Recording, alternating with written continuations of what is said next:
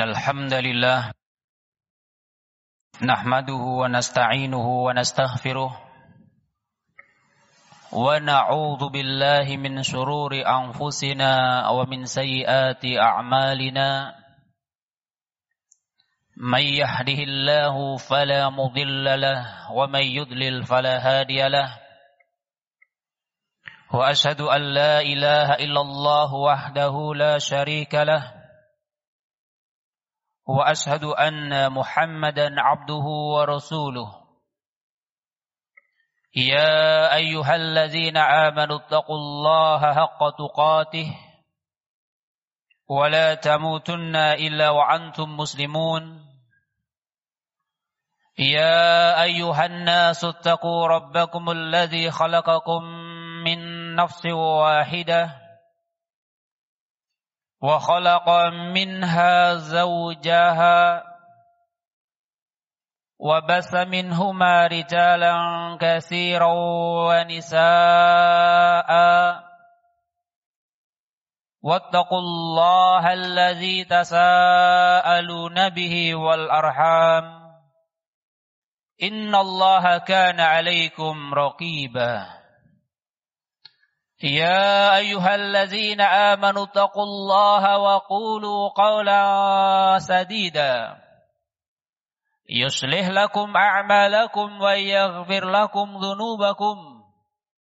ومن يطع الله ورسوله فقد فاز فوزا عظيما. أما بعد فإن أصدق الحديث كتاب الله. وخير الهدي هدي محمد صلى الله عليه وسلم. وشر الأمور محدثاتها وكل محدثة بدعة وكل بدعة ضلالة وكل ضلالة في النار. معاشر المسلمين جمع خطبة جمعة rahimani wa rahimakumullah. Di dalam agama kita semua amalan ibadah di dalamnya Allah Subhanahu wa taala memberikan keutamaan-keutamaan. Setiap amal ibadah ada fadilahnya. Salat contohnya ada fadilahnya. Atau salat dengan cara berjamaah ada keutamaannya. Salatul jamaah afdalu min salatil fadhi bi sab'in wa isrina darajah. Salat berjamaah itu lebih utama dibandingkan salat sendirian dengan berbandingan 27 derajat. Ini sebagai satu contoh. Atau amalan-amalan yang lainnya. Amalan tolabul ilmi misalnya mencari ilmu atau ngaji. Ada keutamaannya. Man salaka tariqan yaltamisu fihi ilman sahalallahu lahu bihi tariqan ilal jannah. Barang siapa yang menapaki suatu jalan dalam rangka untuk mencari ilmu, maka Allah akan mudahkan baginya jalan menuju ke surga. Demikian juga amalan puasa, demikian juga amalan infak sodakoh atau zakat. Termasuk di dalamnya amalan yang merupakan puncaknya di dalam Islam adalah berjihad di jalan Allah subhanahu wa ta'ala. Dan juga amalan-amalan yang lainnya Allah Subhanahu wa taala memberikan fadilah keutamaan agar kita bersemangat melakukan amalan tersebut. Ini sudah menjadi sesuatu yang manusiawi. Ketika kita mengetahui keuntungan apa yang ada di dalamnya, maka kita akan semangat untuk meraihnya. Dan ada satu amalan di dalam agama kita satu perintah Allah Subhanahu wa taala. Bahkan ini merupakan perintah yang paling besar yaitu mentauhidkan Allah Subhanahu wa taala. Wa a'zamu ma amarallahu bihi tauhid. Bahwasanya tauhid mengesahkan Allah Subhanahu wa taala merupakan amalan yang paling besar, a'zamul a'mal. Maka lebih layak lagi dan pasti di dalamnya ada keutamaan yang besar bahkan sangat besar.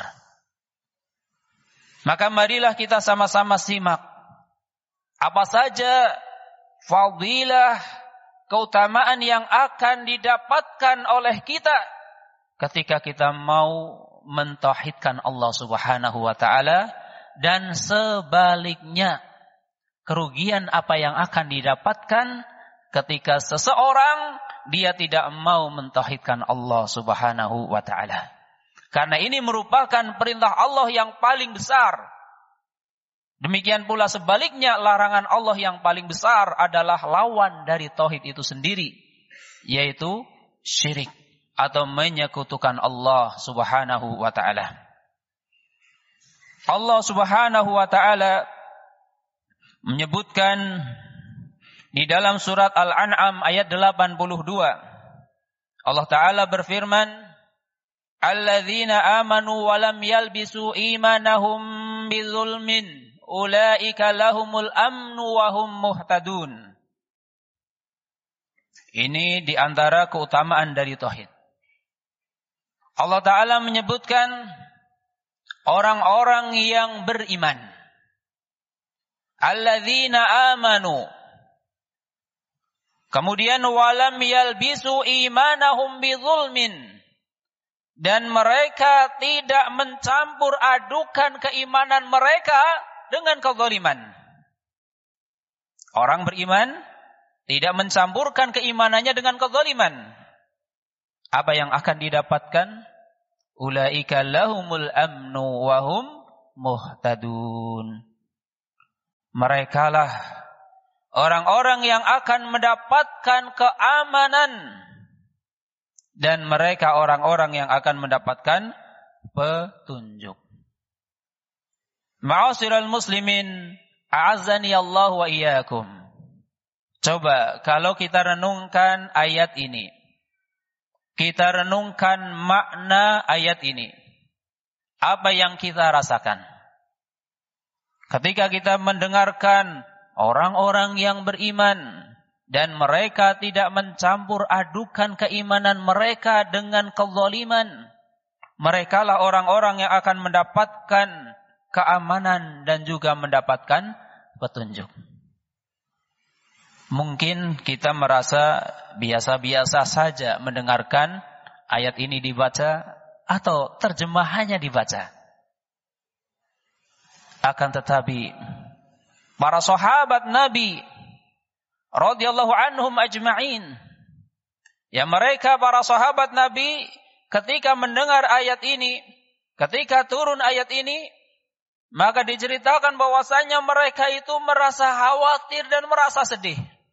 Ketika memahami orang-orang yang beriman dan mereka tidak mencampur adukan keimanan mereka dengan kezaliman. Mereka lah orang yang akan mendapatkan keamanan dan petunjuk Ya karena mereka merasa bahwasannya kayaknya sulit setiap kita ini bisa lepas, bisa terbebas dari semua kezaliman. Mereka sangat khawatir jangan-jangan mereka tidak masuk di dalam kalimat orang yang mendapatkan keamanan dan petunjuk. Mereka khawatir. Mereka membaca, mereka meraba kepada dirinya sendiri. Bisakah saya termasuk orang yang mendapatkan keamanan dan petunjuk? Dikarenakan beratnya syarat yang ada di dalam ayat ini menurut anggapan mereka sebelum dijelaskan oleh Nabi kita Muhammad sallallahu alaihi wasallam. Sampai-sampai mereka bertanya, "Ayyuna lam yadlim nafsah ya Rasulullah?" Wahai Rasulullah, adakah di antara kita yang tidak pernah berbuat zalim sedikit pun? Padahal ayat ini mengatakan orang-orang yang tidak mencampur adukan keimanan dengan kezaliman. Apa ada di antara kita yang tidak berbuat zalim sedikit pun? Terkadang kita zalim kepada diri kita sendiri. Terkadang kita zalim kepada orang lain, orang yang ada di sekitar kita. Zalim kepada diri sendiri melakukan perbuatan dosa, dosa, dosa dan dosa. Zalim kepada orang lain menyakitinya misalnya. Zalim kepada tetangganya misalnya. Sehingga mereka merasa bahwasannya sangat sulit untuk mengamalkan ayat ini. Karena sepertinya tidak ada yang bisa lepas dari perbuatan zalim. Kemudian Nabi kita Muhammad sallallahu alaihi wasallam meluruskan kesalahpahaman yang ada pada mereka. Ketika mereka memahami ayat ini, zalim artinya adalah berbuat aniaya secara umum. Kemudian Nabi kita mengatakan, "Ala tasma'u qala Luqman al-libnihi Bukankah kalian mendengarkan perkataan Luqman kepada anaknya? Jadi ini tafsir dari ayat ini langsung dijelaskan oleh Nabi kita Muhammad sallallahu alaihi wasallam bahwa zalim yang dimaksud di ayat ini adalah sebagaimana yang dikatakan oleh Luqman kepada anaknya. Bukankah kalian mendengar Perkataan Luqman kepada anaknya, "Ya bunayya, la tusyrik billah. Inna syirka la zulmun azim." Wahai anakku, wahai anak kesayanganku. Dan inilah wasiat yang paling layak, yang paling utama dan pertama yang ditekankan orang tua kepada anaknya sebelum wasiat-wasiat yang lain. Ya, Luqman mengatakan wahai anakku, wahai anak kesayanganku. Ya bunayya la tusyrik billah. Janganlah engkau menyekutukan Allah. Alasannya apa? Inna syirka la zulmun azim. Sesungguhnya perbuatan syirik adalah kezaliman yang besar. Sehingga makna zalim di dalam ayat tersebut adalah sebagaimana yang ada di dalam surat Luqman. Sehingga makna zalim adalah kesyirikan atau perbuatan syirik.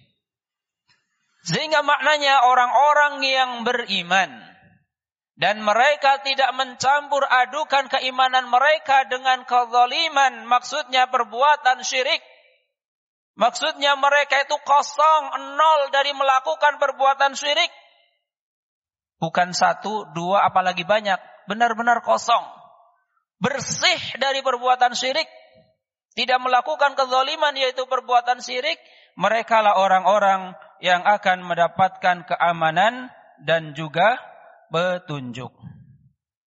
Yaitu keamanan al-amnu min azabil akhirah Orang-orang yang beriman dan tidak berbuat syirik di yaumul kiamah di akhirat kelak dia akan mendapatkan keamanan yaitu aman selamat dari siksaan yang ada di akhirat. Al-amnu min azabillahi fil akhirah. Kemudian di dunianya wa ulaika humul muhtaduna fid dunya dan merekalah orang-orang yang akan mendapatkan petunjuk hidayah di dunia. Sehingga ketika kita merealisasikan tauhid, kita mengamalkan tauhid dengan sebenar-benarnya, kita jadikan ini sebagai prioritas pertama dan utama bagi kehidupan kita.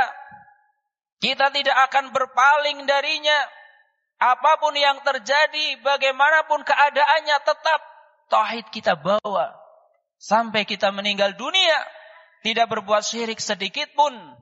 Maka inilah keutamaan yang akan didapatkan. Dunianya dapat, akhiratnya dapat.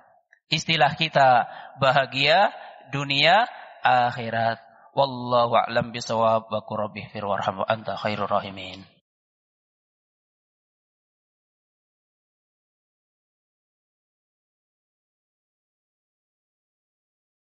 Alhamdulillahi rabbil alamin. Wassalatu wassalamu ala nabiyyina Muhammadin wa ala alihi wa ashabihi ajma'in. Amma ba'd. Fa ya ibadallah, Iyaya bitaqwallah Faqad faza man ittaqa Wa khaba man taha Ma'asiral muslimin Rahimani wa rahimakumullah. Dan masih sangat banyak keutamaan-keutamaan tauhid yang lainnya.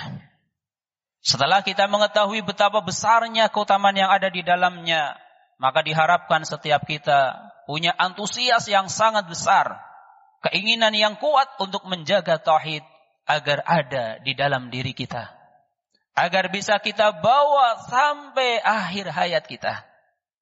Karena Nabi kita Muhammad sallallahu alaihi wasallam beliau mengatakan barang siapa yang meninggal dunia man laqiyallaha wa la yusyriku bihi syai'a dakhalal jannah barang siapa yang meninggal dunia dalam keadaan tidak menyekutukan Allah sedikit pun pasti dia masuk surga tapi sebaliknya wa man laqiyahu wa yusyriku bihi dakhalan nar dan barang siapa yang meninggal dunia dalam keadaan menyekutukan Allah, dalam keadaan dia berbuat syirik meskipun sedikit, maka apa yang terjadi? Dia pasti masuk neraka.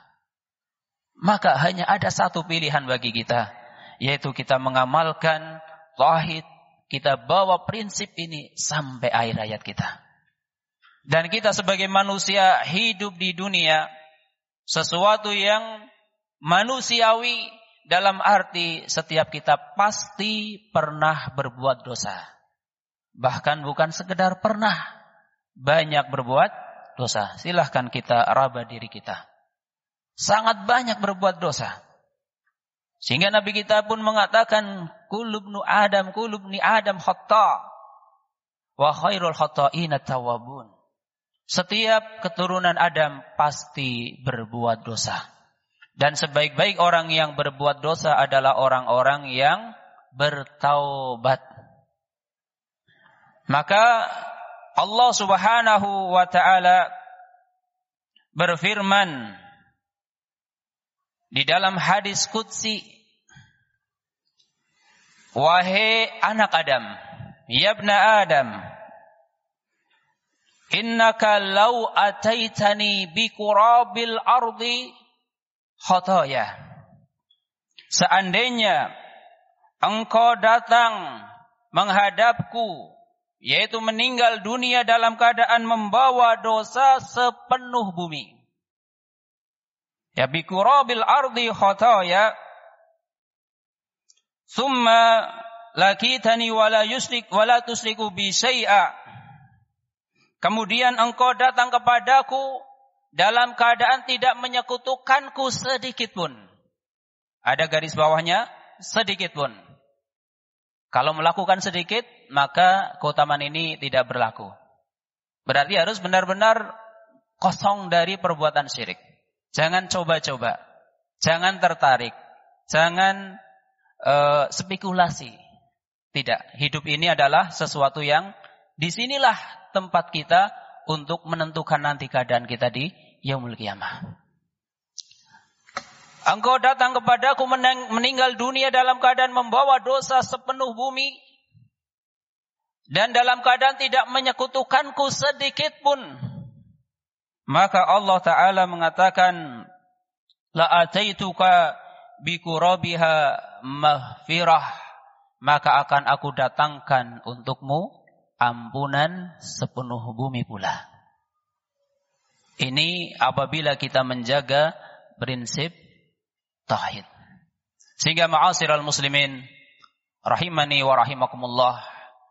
Sekali lagi marilah setiap kita benar-benar selalu setiap harinya setiap harinya selalu merenungkan memikirkan tentang keadaan diri kita agar kita selamat dari perbuatan syirik, tidak menyekutukan Allah sedikit pun, baik syirik di dalam uh, uluhiyah, peribadahan kita kepada Allah ataupun syirik di dalam rububiyah, keyakinan-keyakinan keyakinan adanya pencipta selain Allah, naudzubillah, keyakinan adanya yang menguasai selain Allah, keyakinan ada yang bisa menyembuhkan orang sakit selain Allah dan sebagainya. Kita bersih dari semua kesyirikan-kesyirikan yang ada sehingga kita akan berjumpa dengan Allah Subhanahu wa taala mendapatkan fadilah keutamaan yang disampaikan oleh Nabi kita Muhammad sallallahu alaihi wasallam. Amin ya rabbal alamin. Kita memohon kepada Allah Subhanahu wa taala agar Allah Subhanahu wa taala selalu memberikan hidayah kepada kita, bimbingan kepada kita di dunia,